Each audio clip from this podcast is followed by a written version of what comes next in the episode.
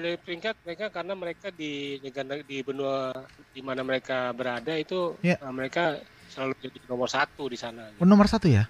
Uh, Oke. ya, terutama uh, Mesir, Ya. uh, Costa Rica ini juga uh, ada persaingan uh, ketat antara Costa Rica dan Amerika. Mm-mm. Lalu Kepulauan Solomon. Ya. Hmm. Semenjak ditinggal Australia dari uh, zona Oceania, Mm-mm. Kepulauan Solomon ini menjadi kekuatan yang paling uh, besar di negara-negara di, di, di Oceania.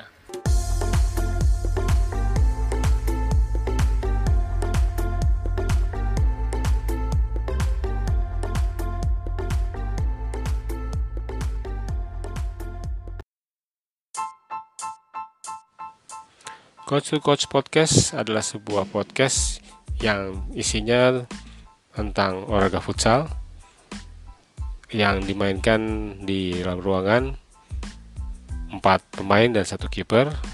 Nah di podcast ini kita akan berbicara soal teknik, taktik maupun informasi-informasi mengenai jadwal dan hasil pertandingan, terutama di Liga Asosiasi Akademi Futsal Indonesia atau AFI. Nah, kita akan menampilkan juga narasumber-narasumber dari berbagai eh, tempat dan pelatih-pelatih yang berkualitas. Semoga obrolan ini bermanfaat bagi pemirsa. Selamat mendengarkan.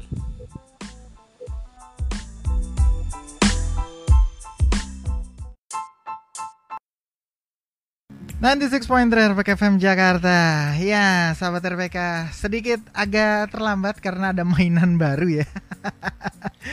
Kembali kita berjumpa sahabat RPK di TOS Teman Olahraga Sore-Sore Bersama saya Daniel Tanamal sahabat RPK Dan juga Tur Arthur! Arthur nggak tahu Halo. sekarang di stadion mana Arthur? Nggak kelihatan kayaknya Hah? hari ini.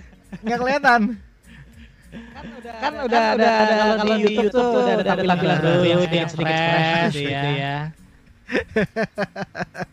Oke, sahabat RPK kita berjumpa kembali di dalam Yep, segmen yep, yep. coaching klinik, sahabat RPK ya. Setiap Benar, benar, dua benar. minggu sekali tentunya bersama Coach David Nanulaida, sahabat RPK.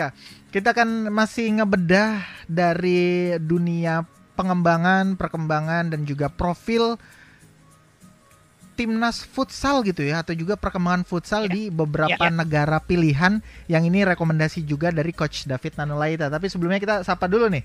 Coach David sudah uh, bersama-sama dengan kita. Selamat sore coach. Halo coach. Halo coach. Selamat sore. Oke. Coach David Nanulaita sudah bersama-sama dengan kita. Sehat coach? Sehat, sehat. Gimana coach? Akhirnya nyampe nggak tadi kalau nggak salah buru-buru dari kantor ya? Ah iya. sampai, juga sih. Akhirnya sampai juga ya. Oke. Nah, sahabat RPK ini ngebantu banget sih sebenarnya beberapa kali kita ngebahas mengenai profil dari negara-negara di mana perkembangan futsalnya jadi rekomendasi tersendiri sama coach David ya. Kalau dari rekomendasi dari seorang pelatih futsal itu tuh udah pasti ada kelebihannya, ada prestasinya. Gitu ya Tur ya. Dan Iya, benar. ini Tur ada tiga negara yang mau akan kita babat nih Tur. Kayaknya kita bisa langsung menuju ke menit 30 aja Tur nggak apa-apa nih. ada tiga Atau ada tiga tiga negara nih bro. Gue lupa lagi tadi ngasih flyernya ya. Ini ada sebuah negara nih bro, negaranya Mohamed Salah nih ya. Asik. Egypt. Egypt. Hah? itu Mesir, kemudian Costa Rica dan ini terakhir dari dua negara yang direkomendasiin bikin agak mengernyitkan dahi ya. Kepulauan Solomon. Ya, ini eh, Kepulauan Solomon gitu. Ini nanti makanya yang akan dibahas tuntas sama Coach David Nanulaita. Nah, kita langsung aja nih ngobrolin soal eh, Mesir. Tapi sebelum ke Mesir, sedikit Coach. Ini pemilihannya untuk tiga negara ini kenapa nih Coach? Ini terutama mereka dari satu itu masuk Afrika ya Coach ya berarti ya Mesir ya. Iya, iya. Untuk Mesir. Ya, Kemudian jadi ke- eh, kalau tiga, tiga negara ini eh, Mesir, Ya. eh, Costa Rica dan betul eh, satu lagi Kepulauan Solomon. Solomon. Ya, tiga negara ini eh, negara yang langganan Piala Dunia futsal ya. Jadi tiga Hmm. tiga penyelenggaraan terakhir mereka selalu ikut. Oke. Hmm, mereka selalu ikut Hmm. dan ah, mereka peringkat FIFA-nya juga lebih baik ya. Oke. Mereka Oke. kalau Mes- Mesir itu 23, Solomon itu 48, Costa Rica 32. Ya. Hmm. Dekat-dekat Indonesia lah itu semua. Ini dekat-dekat Indonesia tapi Indonesia masih ada di bawah kali ya. Ya, Indonesia di 20. Ayo, iya benar. Aduh. Rekomendasi juga nih ya, bagus banget selama Mesir, Costa Rica sama Kepulauan Solomon. Coach, kenapa sih merekomendasin tiga negara ini terutama dari uh, benua-benua ini juga nih? Selain dari peringkat, coach. Selain dari peringkat mereka karena mereka di negara di benua di mana mereka berada itu Ya. eh, mereka selalu jadi nomor satu di sana. Oh, nomor satu ya? Ah, Oke. Ya, terutama eh, Mesir, Ya. eh, Costa Rica ini juga eh, ada persaingan eh, ketat antara Costa Rica dan Amerika. Mm-mm. Lalu Kepulauan Solomon, ya, Hmm. semenjak ditinggal Australia dari eh, zona Oceania, Mm-mm. Kepulauan Solomon ini menjadi kekuatan yang paling besar di negara-negara di, di, di Oceania. Oke. Wow, ini eh Bre, ini eh Iya. ah jangan eh deh, nanti jadi agak ini lagi. Kepulauan Solomon, mungkin di sana banyak yang beristri kali. Solomon. Itu ngomong-ngomong tapi ini loh bro, apa namanya eh, di secara fisik mereka sama kayak Fiji nggak sih, coach? Fiji. Iya. Kalau secara fisik mungkin eh, bisa kita lihat sama kayak eh, anak-anak Papua ya, Ah, Oke. sama anak Papua. ya. Nah, dan mereka juga memang eh, individu juga permainannya, hmm. Hmm. tapi juga nah sebenarnya lebih kental ke sepak bolanya sih dibanding futsalnya untuk di Kepulauan Solomon. Ah. Iya. Kepulauan Solomon. Hanya nanti ada Hmm, hmm. ada satu pemain yang Ya, ya, ya. oh, berpengaruh di sana. Berpengaruh ya. Oke, itu langsung udah tertarik ke Kepulauan Solomon aja. Tapi nggak apa-apa. Kita mau bahas Mesir dulu nih ya.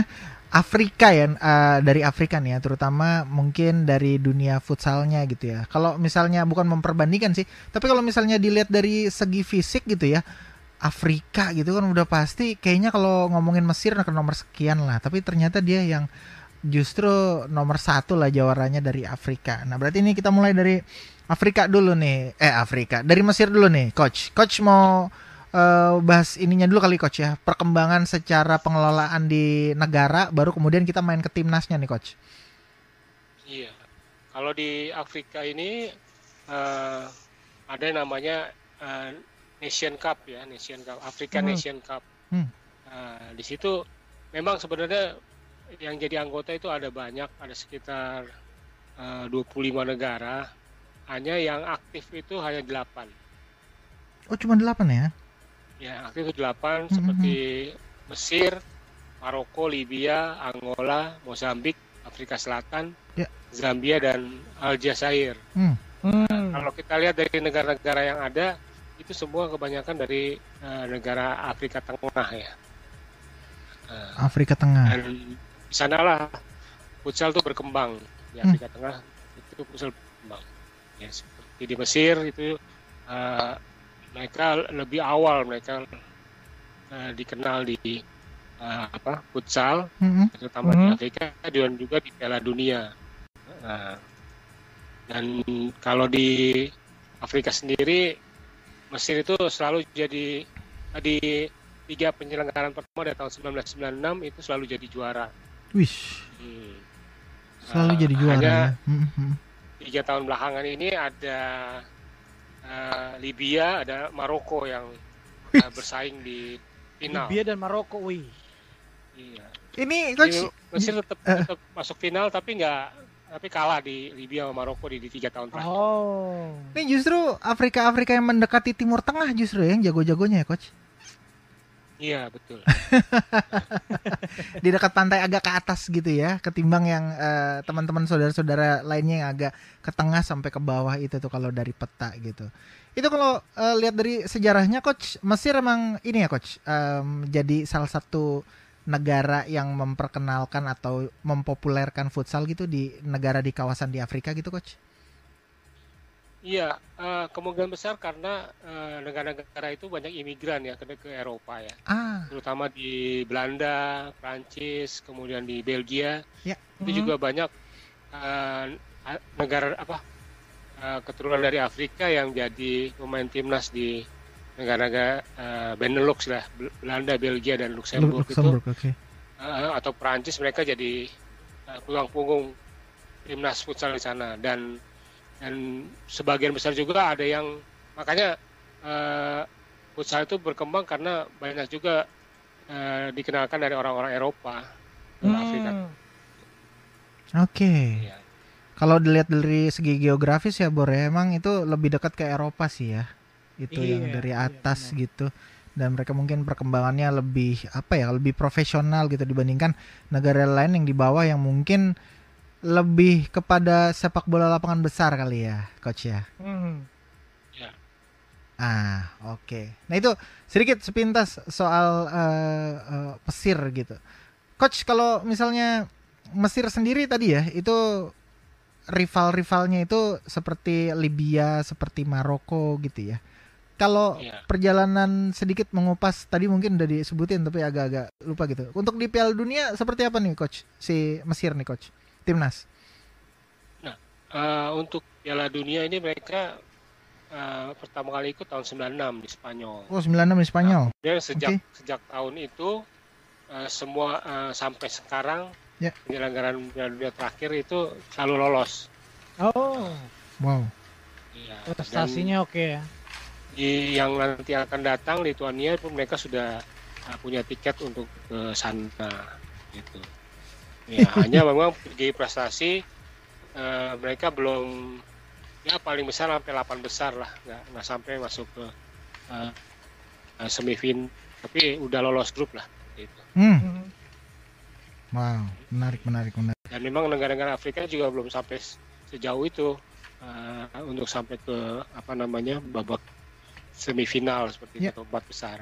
Hanya sampai perempat final atau Ya. delapan besar. Oke.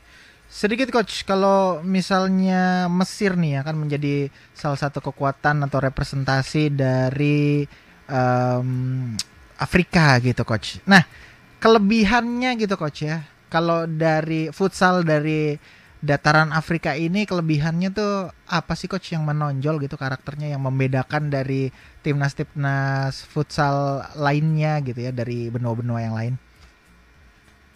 Iya. Kalau di untuk Mesir ini memang salah satu kekuatannya adalah postur tubuh juga. Oke. Ya, Hmm. postur tubuh juga mereka lebih bagus Oh iya benar dan benar. badannya lebih kuat. Ya. Ya. Kemudian uh, organisir dari permainan. Nah, itu karena memang banyak uh, terpengaruh dari negara-negara Eropa yang sudah maju di futsalnya Mm-mm. sehingga strategi bermain mereka lebih baik dibanding negara-negara Afrika lainnya. Oke, wow. Selain karena itu juga kali ya, mungkin eh, letak geografis, mental juga kenceng kali, eh, coach ya. Ya, bisa juga. Kalau udah ngomongin mental, langsung keingetannya Somalia ya, bajak laut bro. Pakai pakai apa tuh namanya Toyota itu ya, mobil Jeep putih. Ah, oke, coach sedikit dong kalau soal pengembangan di negara mereka bisa diulang sedikit gitu ya, terutama kalau di liga gitu, coach. Hmm. Iya. Kalau di Mesir memang sudah ada liganya ya. Ya. Itu eh, 18 klub Oke, dan dia nama klubnya itu ha- hampir sama dengan klub-klub yang ada di sepak bola. ah, Jadi tim sepak bolanya juga ada tim futsalnya. Hmm. Kayak yang pimpinan klasmennya kayak Al Ahli itu juga iya, apa termasuk eh, tim kuat di sepak bola Hmm. dan dia juga punya apa namanya kayak cabang olahraga lah ya kan hmm, karena di sana kebanyakan satu klub itu punya banyak cabang olahraga oke. di futsal ada sepak bola Ya. eh, voli basket dan lain-lain seperti itu Hmm, Wow. Oke. Oke. Bor, kita kayaknya langsung Ya. ini nih Bor nih. 5 menit terakhir, eh 6 menit terakhir deh nih ya sebelum kita masuk ke tanda waktu 30. Kita bahas tuntas soal timnasnya nih. Coach, ini Ya. di sana siapa sih pelatihnya nih coach sebelum juga ngebahas timnasnya nih? Eh, kalau untuk pelatihnya memang eh, dari pelatih lokal Oh, ini lokal. ada Hesam Saleh Hmm, hmm. ya dan ya tadi itu karena mereka dekat Eropa pelatih-pelatih ini banyak belajar dari eh, pelatih-pelatih Eropa juga terutama dari Spanyol Hmm. seperti itu dan mereka juga sering ikut apa namanya kayak coaching klinik lah Ya. kursus di sana Hmm. Nah, sehingga eh, Hmm. apa namanya permainan mereka pun adaptif sudah sudah sudah sudah ini ya sudah eh, lebih baik sih dibanding negara-negara lain. Hmm. Oke. Oke, lanjut kalau gitu eh, coach soal ini ya coach ya, soal apa namanya? Soal em, timnas nih. Ini mereka terkenalnya pakai eh, formasi apa nih coach? Formasi ya. Iya. Kalau formasi kalau kemarin eh, kita sempat ketemu Indonesia, Indonesia sempat ketemu sama apa eh, Mesir ya. Mhm. Itu memang kita kalah 4-2 pada saat itu di Cina. Mm-mm. Nah, Hmm. di kalau untuk kita lihat permainan dari eh, apa namanya tim futsal dari Mesir ini Ya. dia eh, banyak menggunakan pivot juga, ya. Jadi lebih ke satu dua satu sih sebenarnya. Satu dua satu. Satu dua satu. Wow. Iya, dia punya pivot yang bagus, yang berani pegang bola dan kemudian eh, balik badan untuk syuting ya. Berarti dia skillnya cukup tinggi ya coach ya? Ya, skillnya cukup tinggi. Terutama beberapa pemain yang eh, senior yang sudah lama memper- memperkuat tim Mesir ya, Hmm. Hmm. beberapa kali Piala Dunia gitu. Iya. Ya, oke. Nih kalau dari line up nih coach, dari timnas, ini nama-namanya siapa aja nih yang boleh diperkenalkan kepada sahabat RPK yang suka sama namanya dunia futsal terutama dari Mesir nih coach. Ya. Nah di Mesir ini ada pemain-pemain senior kayak Mohamed Mido, ada Mizo. Itu kayak pemain Italia ya? Eh, Dulu. Wih. Dulu ada di Middlesbrough bro, tinggi-tinggi namanya Mido bro. iya.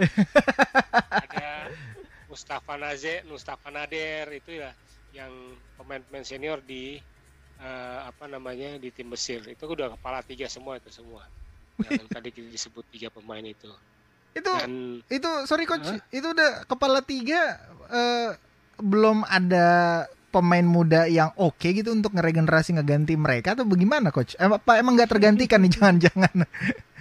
Iya, eh, ketiga pemain ini karena udah beberapa kali ikut Piala Dunia ya, jadinya Iya. mereka jadi yang paling senior lah untuk di timnas ya. Ah. Pemain mudanya banyak ya.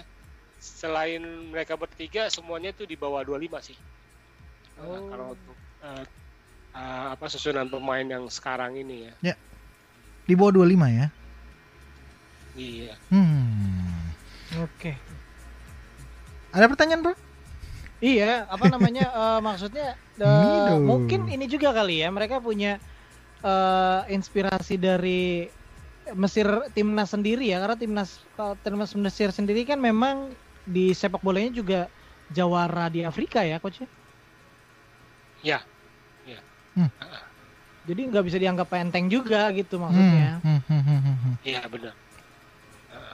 Dan salah satu satu lagi sarana sarana prasarana mereka cukup bagus. Nah, Mereka- Ah, mereka iya. punya, punya komplek-komplek olahraga di setiap setiap negara bagian atau di setiap, kota hmm. yang jadi klub. Jadi ya tadi kayak Al Ahli itu nggak Ya, hanya ya itu punya stadium sendiri, punya berbagai macam apa namanya eh, tempat olahraga fasilitas ya. buat, eh, memenuhi ya fasilitasnya lah bagus. Oke. Itu yang jadi jadi modal buat Mesir sih. Berarti satu komplek ada klub sepak bolanya, ada klub futsalnya, sekaligus juga mungkin sama gimnastiknya kayak gitu, coach ya. Hmm. Ini dari Mesir nih ya, sahabat RPK nanti misalnya pengen ditanyakan juga ada sedikit-sedikit waktu di akhir nanti kita bakalan tanya juga lebih banyak sama Yep. coach misalnya kelebihan-kelebihan juga dari apa namanya timnas dari Mesir ini sahabat RPK ini jawarannya Afrika. Gua kepikir eh, bro jawarannya tuh Nigeria gitu ya. Wah. Kamerun gitu. Kamerun. Apa Sudan gitu ya Sudan. Sudan lah, Sudan lah. Nggak usah dibahas lagi lah. Atau minimal inilah Angola atau Kongo gitu ya negara jajahannya Portugal kan Liberia, biasanya bro. biasanya kan jago-jago Liberia. gitu. Oh Liberia Liberia, ya. Gabon. Kenapa coach? Angola ini baru mau masuk nih. Angola. Iya. Angola ya? Iya, tahun ini dia sampai semifinal Wih, di Piala Afrika. Angola ternyata sahabat RPK. Coach, ini sedikit sebelum menutup coach, kalau Yap. misalnya dari apa dari Afrika juga ya, terutama dari Mesir itu siapa nih coach rival dari kalau tadi kan misalnya strikernya itu tuh si siapa tuh si Mido itu ya misalnya. Ad, ah, ah. yang lain ada nggak nih coach? Pemain-pemain yang Kalau dari Afrika? eh, oh, pemain-pemain dari Afrika gitu ya. Mm-mm, mm-mm. Eh, itu saingannya memang dari Libya ya. Libya. Oh. Libya. Eh, Libya dan Maroko. Libya itu bahkan sampai sering diundang un- oleh tim futsal Brazil untuk Grand Prix di sana. Nah, hmm. ya, itu eh, rata-rata sih ya pemain-pemain, cuman nggak ada yang nggak ada yang terlalu terkenal Mm-mm. di di Afrika itu. Oke. Ya kalau misalkan memang mau eh, lihat adalah eh, si Mizo itu ya. Mizo. Iya, Mizo, Mizo ini Mizo. sudah- Mizo ya. Mizo. Eh, ya itu pemainnya eh, tubuhnya sih nggak terlalu besar, tubuh gempal tapi dia eh, screening bolanya bagus. Wih. Boleh juga nih berarti nih. Oke, kita break dulu ya coach ya. Eh Bre, kita break dulu nih sambil nanti apa namanya sambil kita tanya nih nanti nih setelah menit 30. Kenapa coach David kok make jersey Juventus? Itu ada Rese aja gue. Lo merah, gue putih. Iya. Udah lah nggak usah diterusin. Sedih hari ini sedih. Oke, sebentar Bega. Kita kembali lagi nanti tos ya setelah samakan dulu tanda waktu kita berikut ini.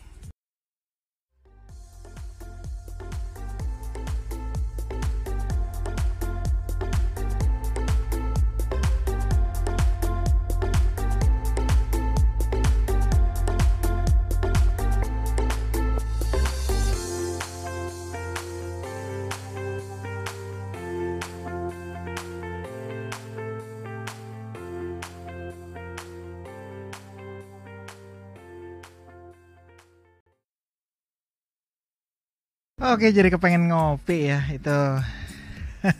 Kalau sahabat RPK yang lagi ngeliat langsung di YouTube channel kami ya sahabat RPK di RPK FM 9630 ya bisa mendengarkan, ngikutin juga talk show kita sore hari ini bersama Coach David Nanulaita.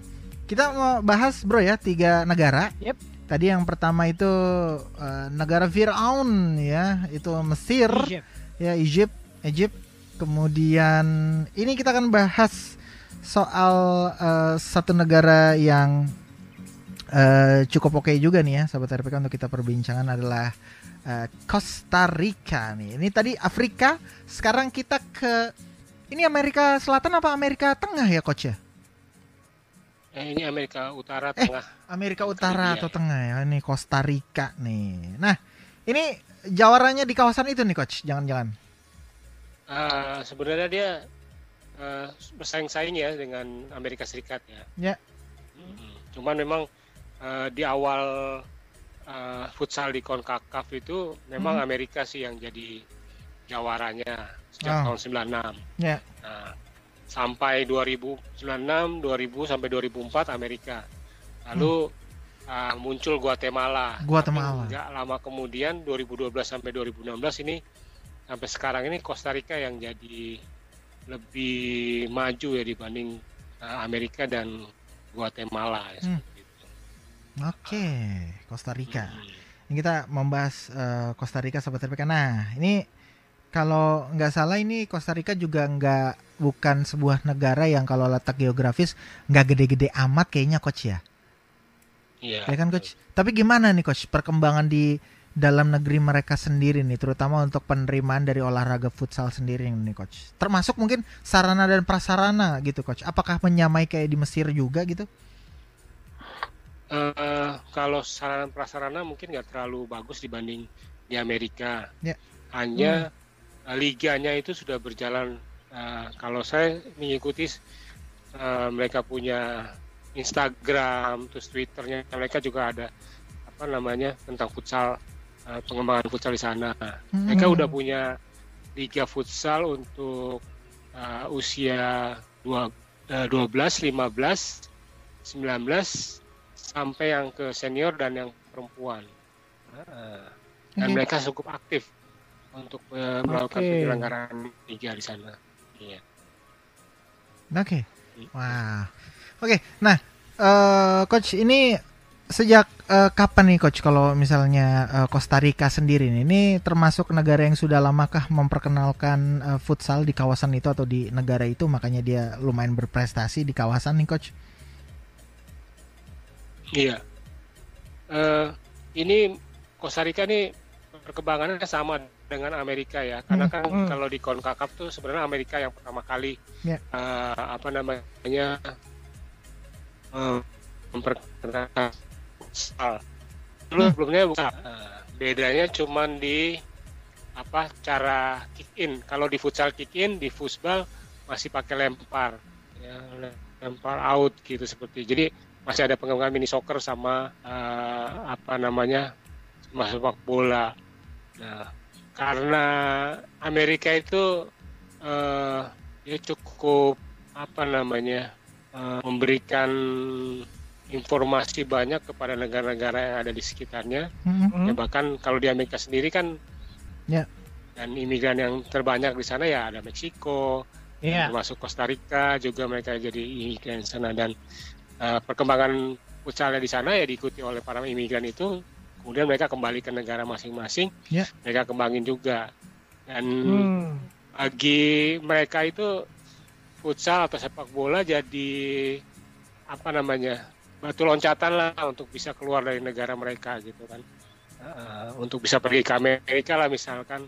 Itulah jadi jadi kesempatan mereka untuk bisa kalau mereka bagus di futsal atau di sepak bola itu jadi kesempatan mereka keluar dari mereka dari negara mereka jadi ya mungkin pemain profesional di Amerika seperti itu.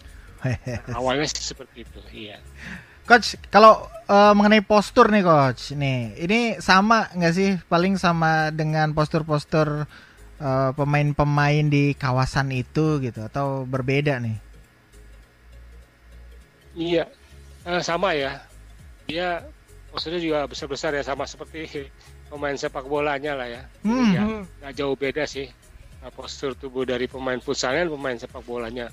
Memang kelihatannya agak jadi lebih kelihatan kaku ya ah. dibanding apa namanya uh, dibanding negara inilah negara Amerika Latin ya, ya, ya. walaupun besar, tinggi besar tapi cukup lincah hmm. nah, di Costa Rica ini memang agak kaku gitu pemainnya agak agak kaku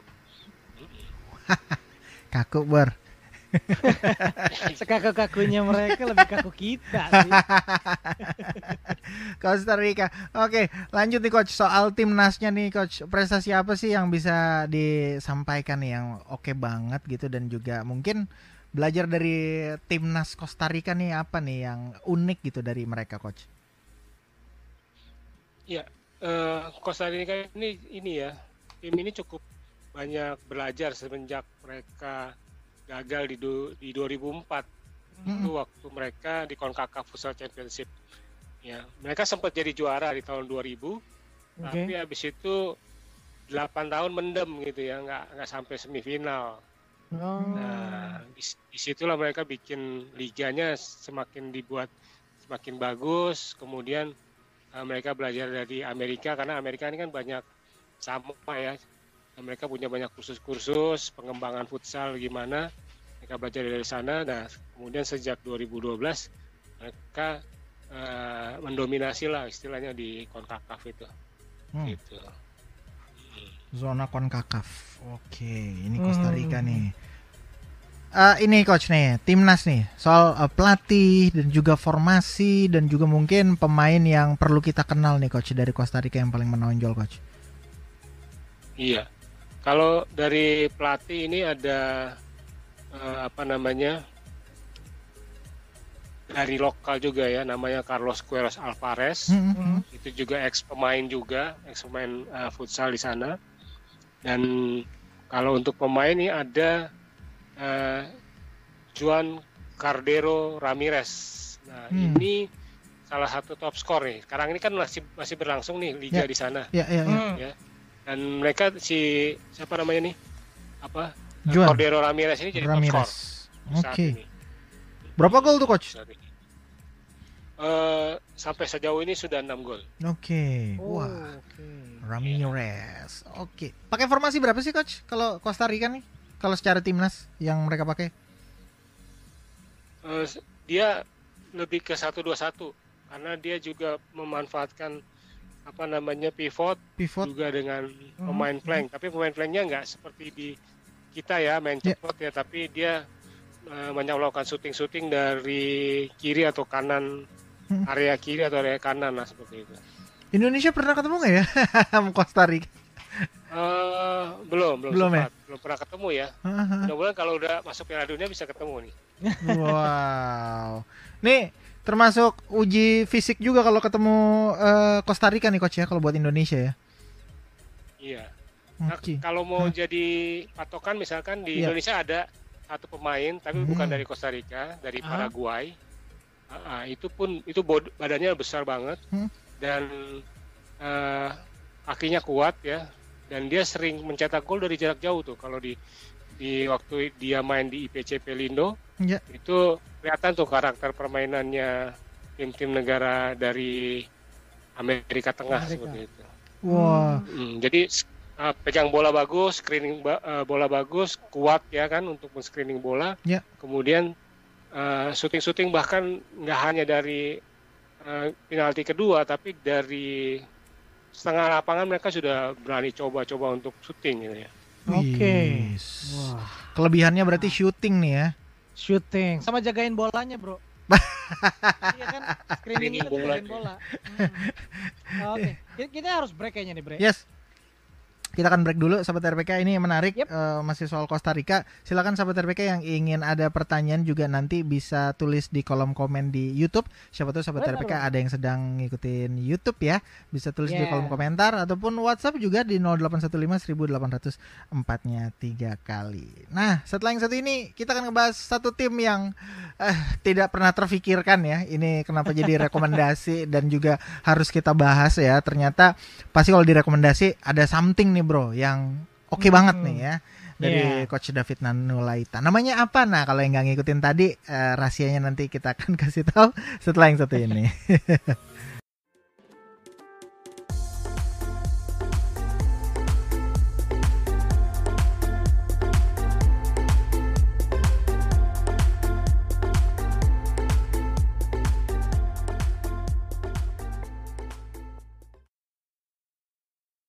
Ya, sahabat RPK, nggak berasa kita sudah di eh, kuadran yang terakhir ya, sahabat RPK. Masih bersama saya Daniel Tanamal, ada rekan Arthur Tison yang lagi di karantina. Eh enggak ya?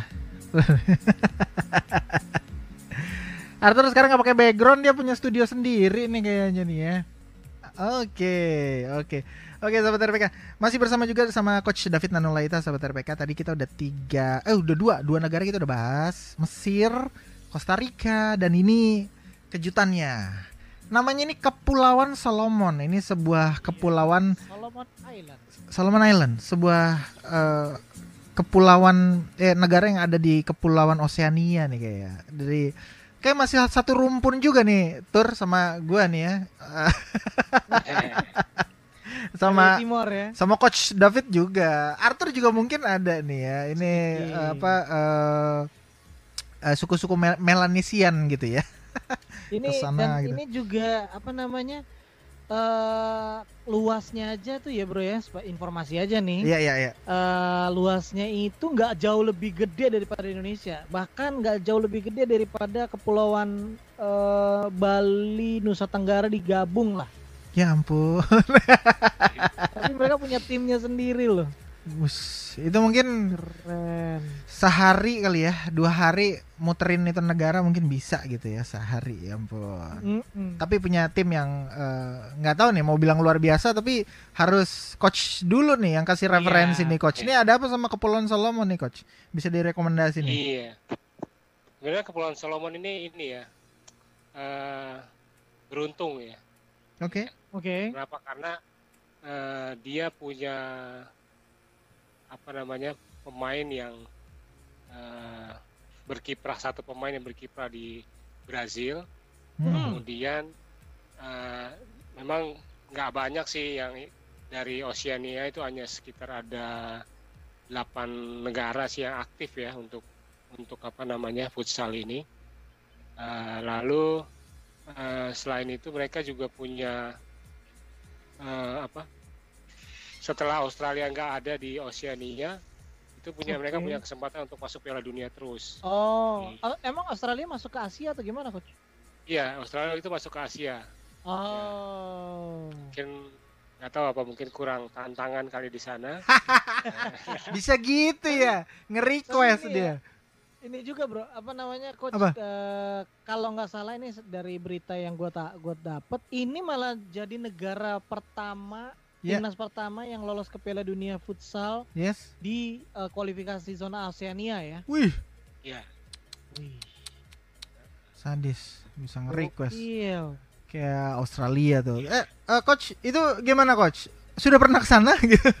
Untuk ngecek sarana prasarananya gitu. Paling nggak kan deket ya.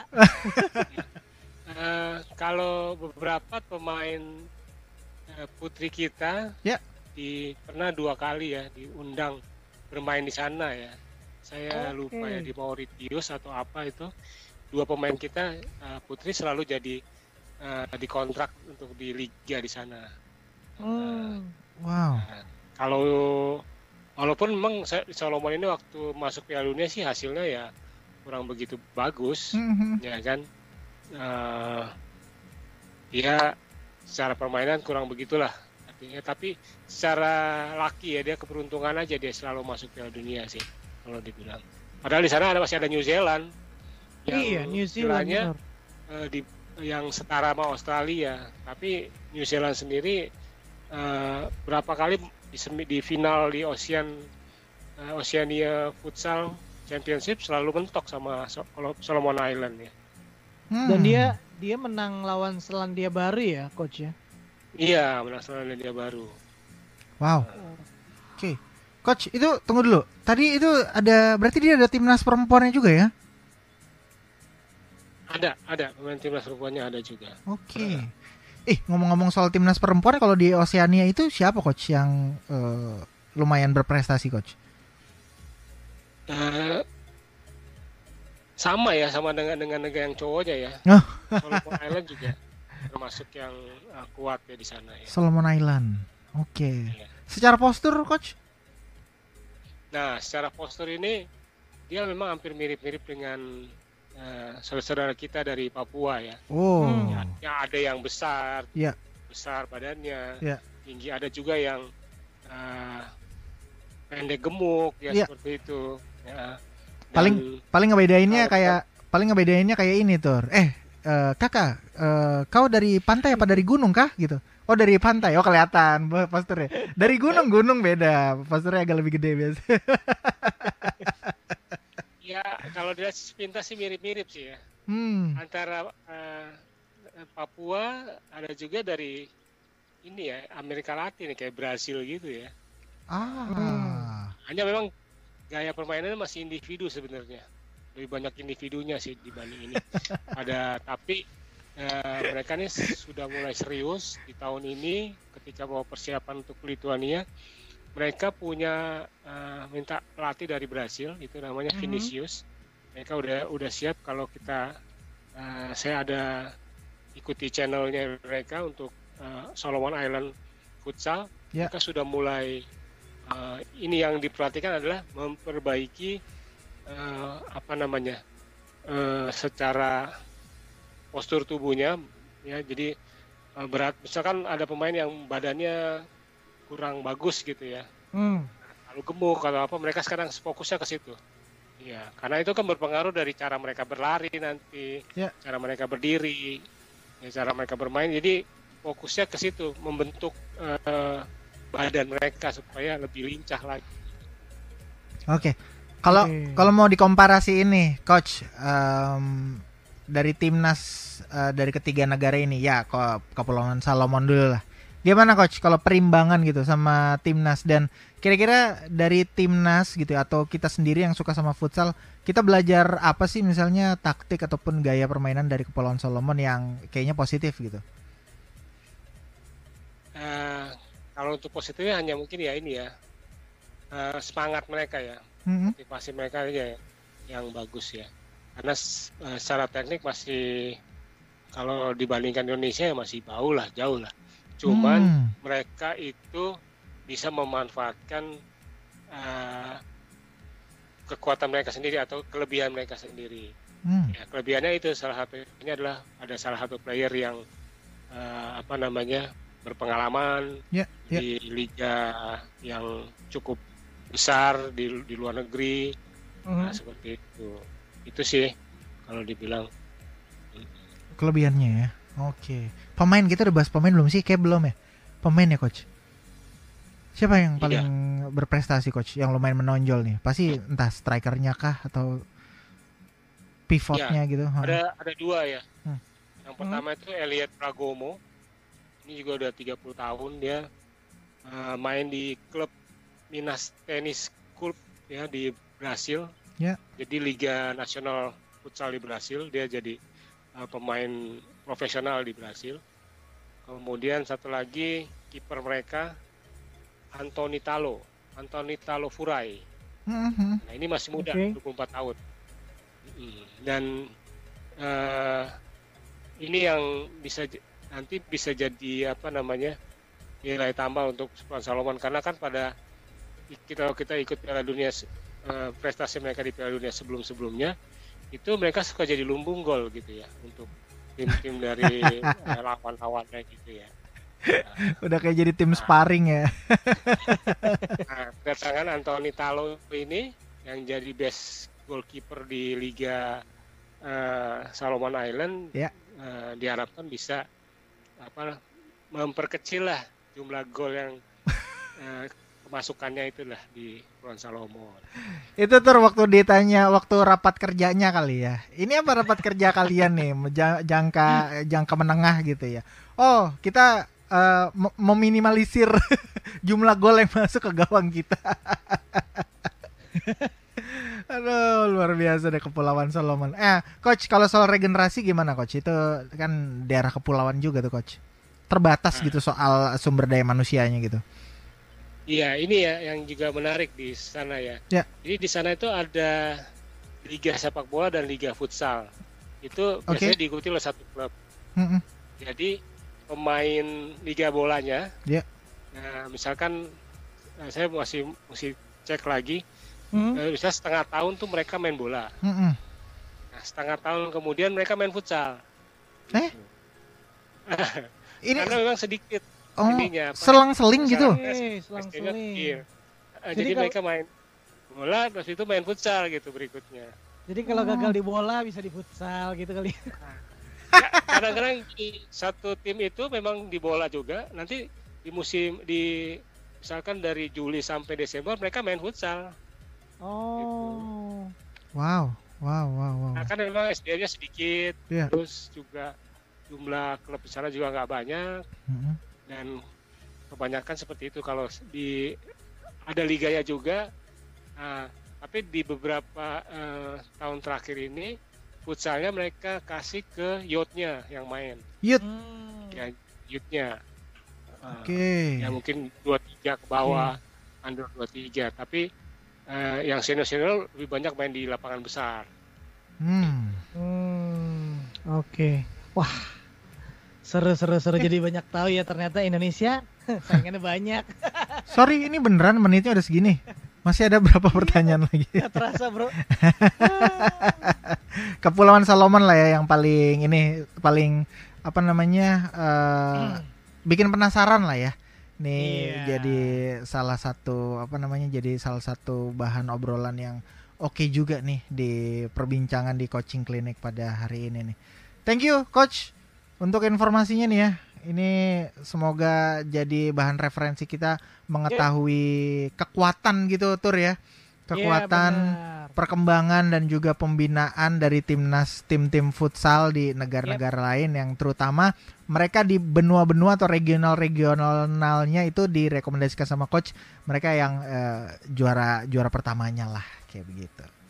Oke di eh, dua minggu lagi nanti kita akan ketemu lagi coach dan kita akan bahas Yes. mungkin nanti ya apa kira-kira yang em, menarik ya kira-kira. Atau kita masih mau bahas profil atau mungkin ke pemain atau apa nanti pasti ada sesuatu yang baru. Makanya sahabat RPK eh, simak dan ikutin terus nanti ya. Dengarkan terus untuk tos teman olahraga sore-sore yang coaching klinik bersama coach David Nanulaita. Sekali lagi thank you coach. Thank you coach.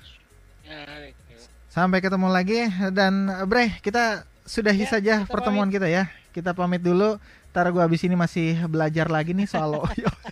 eh jangan, baru. jangan dikasih tahu ya mainan barunya. Saya Daniel Tanamal, sobat RPK. Saya Arthur Tyson. Pamit undur diri. Bye-bye.